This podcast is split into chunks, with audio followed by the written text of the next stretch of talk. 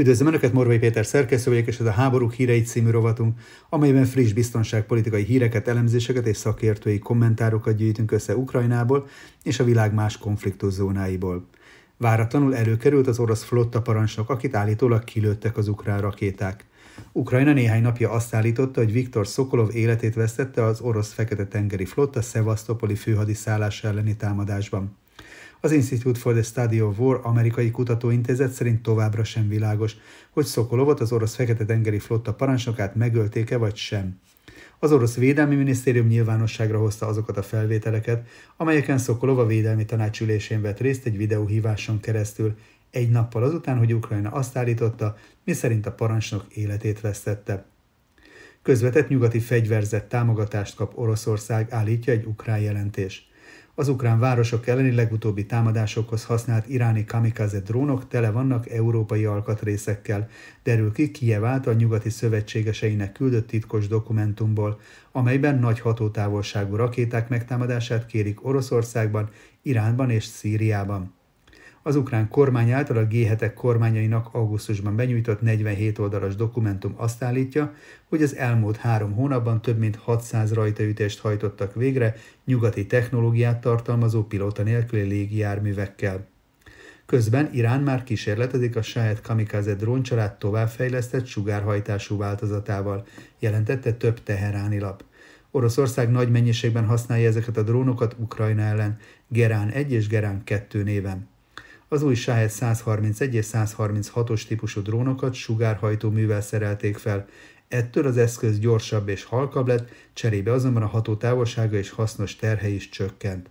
A korszerűsített Shahed drónokkal végre is hajtották az első éles harcászati gyakorlatot.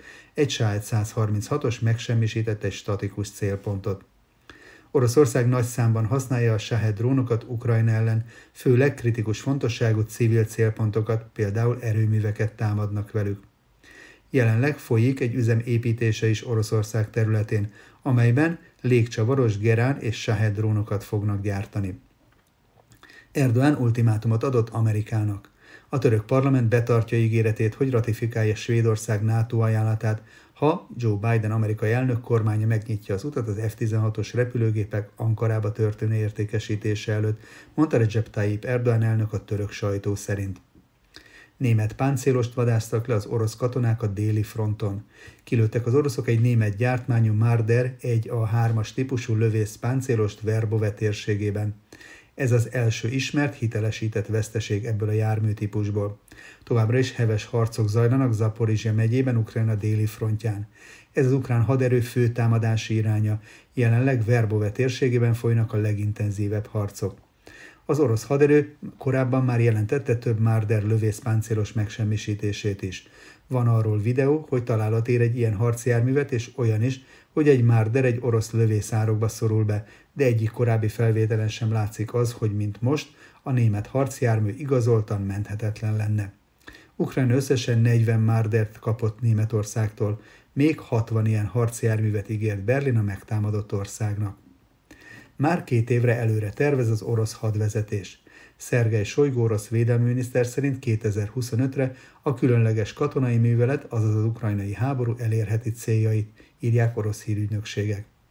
Az intézkedések és a cselekvési tervek következetes végrehajtása 2025-ig lehetővé teszi számunkra, hogy elérjük a kitűzött célokat, mondta Sojgó katonai vezetők előtt. A védelmi miniszter azt is elmondta, folytatják az orosz fegyveres erők harci erejének felfejlesztését, különösen az erők modern fegyverekkel való ellátásával és a kiképzés fejlesztésével, tekintetbe véve a különleges katonai művelet tapasztalatait is. A széthúzás miatt csúsznak az újabb európai szankciók. Az Európai Unió tagállamai közötti egyet nem értés a fő oka annak, hogy lassul az Oroszország elleni szankciók bevezetésének üteme, mondta Kirill Logvinov, Oroszország megbízott állandó brüsszeli képviselője. Logvinov szerint a szankcióba való belefáradás mértéke tagállamonként eltérő, függ a belpolitikai kérdésektől és főleg a választási ciklusoktól, vélekedett a diplomata, aki szerint egy újabb szankciós csomag elfogadását megnehezítik a tagállamok között feszülő ellentétek. A tagállamok Ukrajna támogatása kapcsán is megosztottak, fűzte hozzá Logvinov. Magyarország már a kezdetektől ellenzi az Oroszország elleni szankciókat, amelyekről nemrég Annalena Baerbock német külügyminiszter is elismerte, hogy nem működnek. Ráadásul az elmúlt napokban Ukrajna diplomáciai adok-kapokba keveredett Lengyelországgal, a választások előtt álló Szlovákiában pedig a szankciókat hevesen ellenző Robert Fico áll nyerésre, így a további szankciók bevezetésének esélye enyhén szólva kétséges. Ukrajnának már rég át kellett volna állnia a védelemre, és Kievnek egy új győzelem elméletre is szüksége lenne, mondta Robert Szikaszter biztonságpolitikai szakértő a Hetek podcast legújabb adásában, amelyet a Mandiner szemlézett. Az orosz házelnök által felállított vagy-vagy ultimátum a hamis diktómia klasszikus esete, állítja Kastel. Mint arról beszámoltunk, Vyacheslav Volodyin szerint csupán két lehetősége van Ukrajnának, vagy kapitulál Oroszország feltételei szerint, vagy megszűnik államként létezni. Ukrajna előtt azonban az idézet kettőnél jóval több lehetséges út áll nyitva. A dolgok jelenlegi állása szerint azonban egyik sem vezet biztató irányba. Ukrajnának egy új győzelmelméletre van szüksége, ami reálisabban kapcsolja céljait a rendelkezésre álló eszközökhöz. Robert C. Caster úgy véli, a támadás és a védelem jelenlegi egyensúlya egyértelműen az utóbbinak kedvez. Pusztán katonai szemszögből nézve a dolgot, Ukrajnának már rég át kellett volna állni a hadászati szinten a védelemre, és az offenzív gerjedelmeket a harcászati szintre kellett volna korlátoznia. Ez jobban megfelelt volna a két ország közötti demográfiai asszimetriának is. Hideg fejjel szemlélve a kialakult helyzetet ez szolgálná a legjobban az ukránok érdekeit. A probléma csupán az, hogy egy dögóli parafrázissal élve Anglia egy sziget, és az USA nem Európában van, valamint Ukrajna érdekei nem a nyugati tengeri hatalmak érdekei. Zárt elemzését Robert. Castell. A teljes beszélgetés csatornánkon meghallgathatják, a link a leírásban található. Akadozik a német haderőfejlesztési program. A Bundeswehr most éppen több mint egy milliárd eurót költött használhatatlan rádiókra.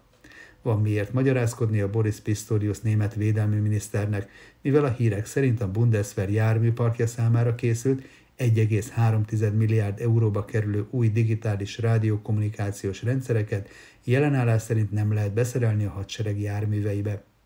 A szárazföldi erők 34 ezer járművét kell felszerelni digitális rádiókészülékekkel. Egy több milliárd eurós projektről van szó. A rádiók szállítása január óta tart, most viszont kiderült, hogy a készülékeket egyelőre lehetetlen beszerelni, írja Welt. A Rode und Schwarz német vállalat által gyártott digitális rádiók a Bundeswehr régebbi analóg készülékeit tettek volna hivatottak felváltani. A módosítások elvégzése évekig fog tartani. Milliárdokat költünk itt olyan rádióberendezésekre, amelyek évekig a polcon porosodnak majd, és a katonák sokáig nem fogják használni őket, panaszkodott Andreas Schwarz, szociáldemokrata párti képviselő a lapnak. A szárazföldi műveletek digitalizálása elnevezési projekt várhatóan végül akár 5 milliárd euróba is kerülhet Németországnak. Az amerikai törvényhozók az ukrajnai támogatások jelentős csökkentését javasolták. A washingtoni szenátus ideiglenes megállapodásra jutott a szövetségi költségvetési válság elhárításához szükséges törvényjavaslatról. A törvényhozók néhány republikánus ellenállását követően beleegyeztek az Ukrajnának szánt csak nem 20 milliárd dolláros támogatás csökkentésébe. A szenátus demokratái és republikánusai egész hétvégén éjjel és nappal jó hiszeműen dolgoztak azon, hogy megállapodásra jussanak egy olyan folytatólagos határozatról, amely fenntartja a kormány finanszírozását és megakadályozza a leállást, fogalmazott közleményében a demokrata Chuck Schumer, a szenátus többségi vezetője. Az átmeneti törvényjavaslat a hírek szerint 6,2 milliárd dollárt különít el az Ukrajnának nyújtott támogatásra, amely jelentős csökkenés a demokraták által eredetileg kért, csak nem 25 milliárd dollárhoz képest. Míg a republikánusok nagy része a jelek szerint elfogadta a szerényebb segélycsomagot, néhány republikánus képviselő megfogadta, hogy ellenezni fog minden olyan intézkedést, amely Kievnek nyújt támogatást tartalmaz. Rossz politika csődbe vinni a saját országunkat azért, hogy pénzt küldjünk Ukrajnának, mondta Rand Paul libertáriánus érzelmű szenátor az X-en közzétett bejegyzésében. Nem fogok beleegyezni egyetlen olyan költségvetés egyszerű elfogadásába sem, amely Ukrajna finanszírozását tartalmazza. A törvényjavaslat felelőseinek vagy ki kell venniük, vagy minden egyes lépésnél meg kell küzdeniük velem.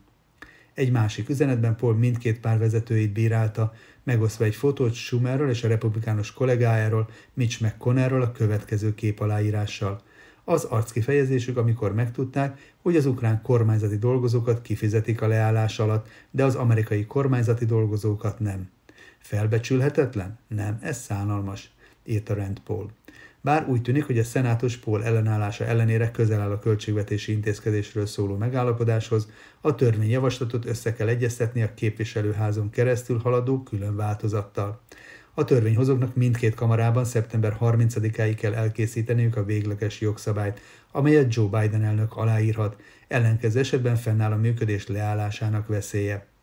Egyelőre nem tudni, hogy Kevin McCarthy, a képviselőház elnöke elfogadja-e a szenátus módosításait a költségvetési törvényjavaslathoz, mivel a kongresszusi republikánusok mélyebb költségvetési megszorításokra törekszenek, és hangosabban ellenzik az Ukrajnának nyújtott támogatást. Korábban a képviselőház vezetője azt mondta, hogy nem fog hipotetikusan beszélni a szenátusi törvényjavaslattal kapcsolatban, de azt közölte, hogy pártja a saját változatában a háttérfinanszírozás növelésére törekszik majd. Már a Fehérház magasrangú tisztviselői korában arra figyelmeztettek, hogy a szövetségi leállás akadályozná a Kievnek nyújtott amerikai katonai segélyeket, maga a Pentagon cáfolta ezeket az állításokat. Ez volt tehát a háború hírei 2023. szeptember 27-én. Morvai Péter szerkesztőt hallották, holnap is jelentkezünk új adással, este pedig a napi hír összefoglalónkkal. A hetek podcast támogatói köre számára John Milsheimer amerikai politológus, a realista elemzői iskola világhírű képviselőjének a Nagy Téveszme című könyvéből szemlézzük a legfontosabb fejezeteket. Akik csatlakozni szeretnének, a leírásban szereplő linkeken tudják ezt megtenni. Köszönöm megtisztelő figyelmüket, találkozzunk legközelebb is.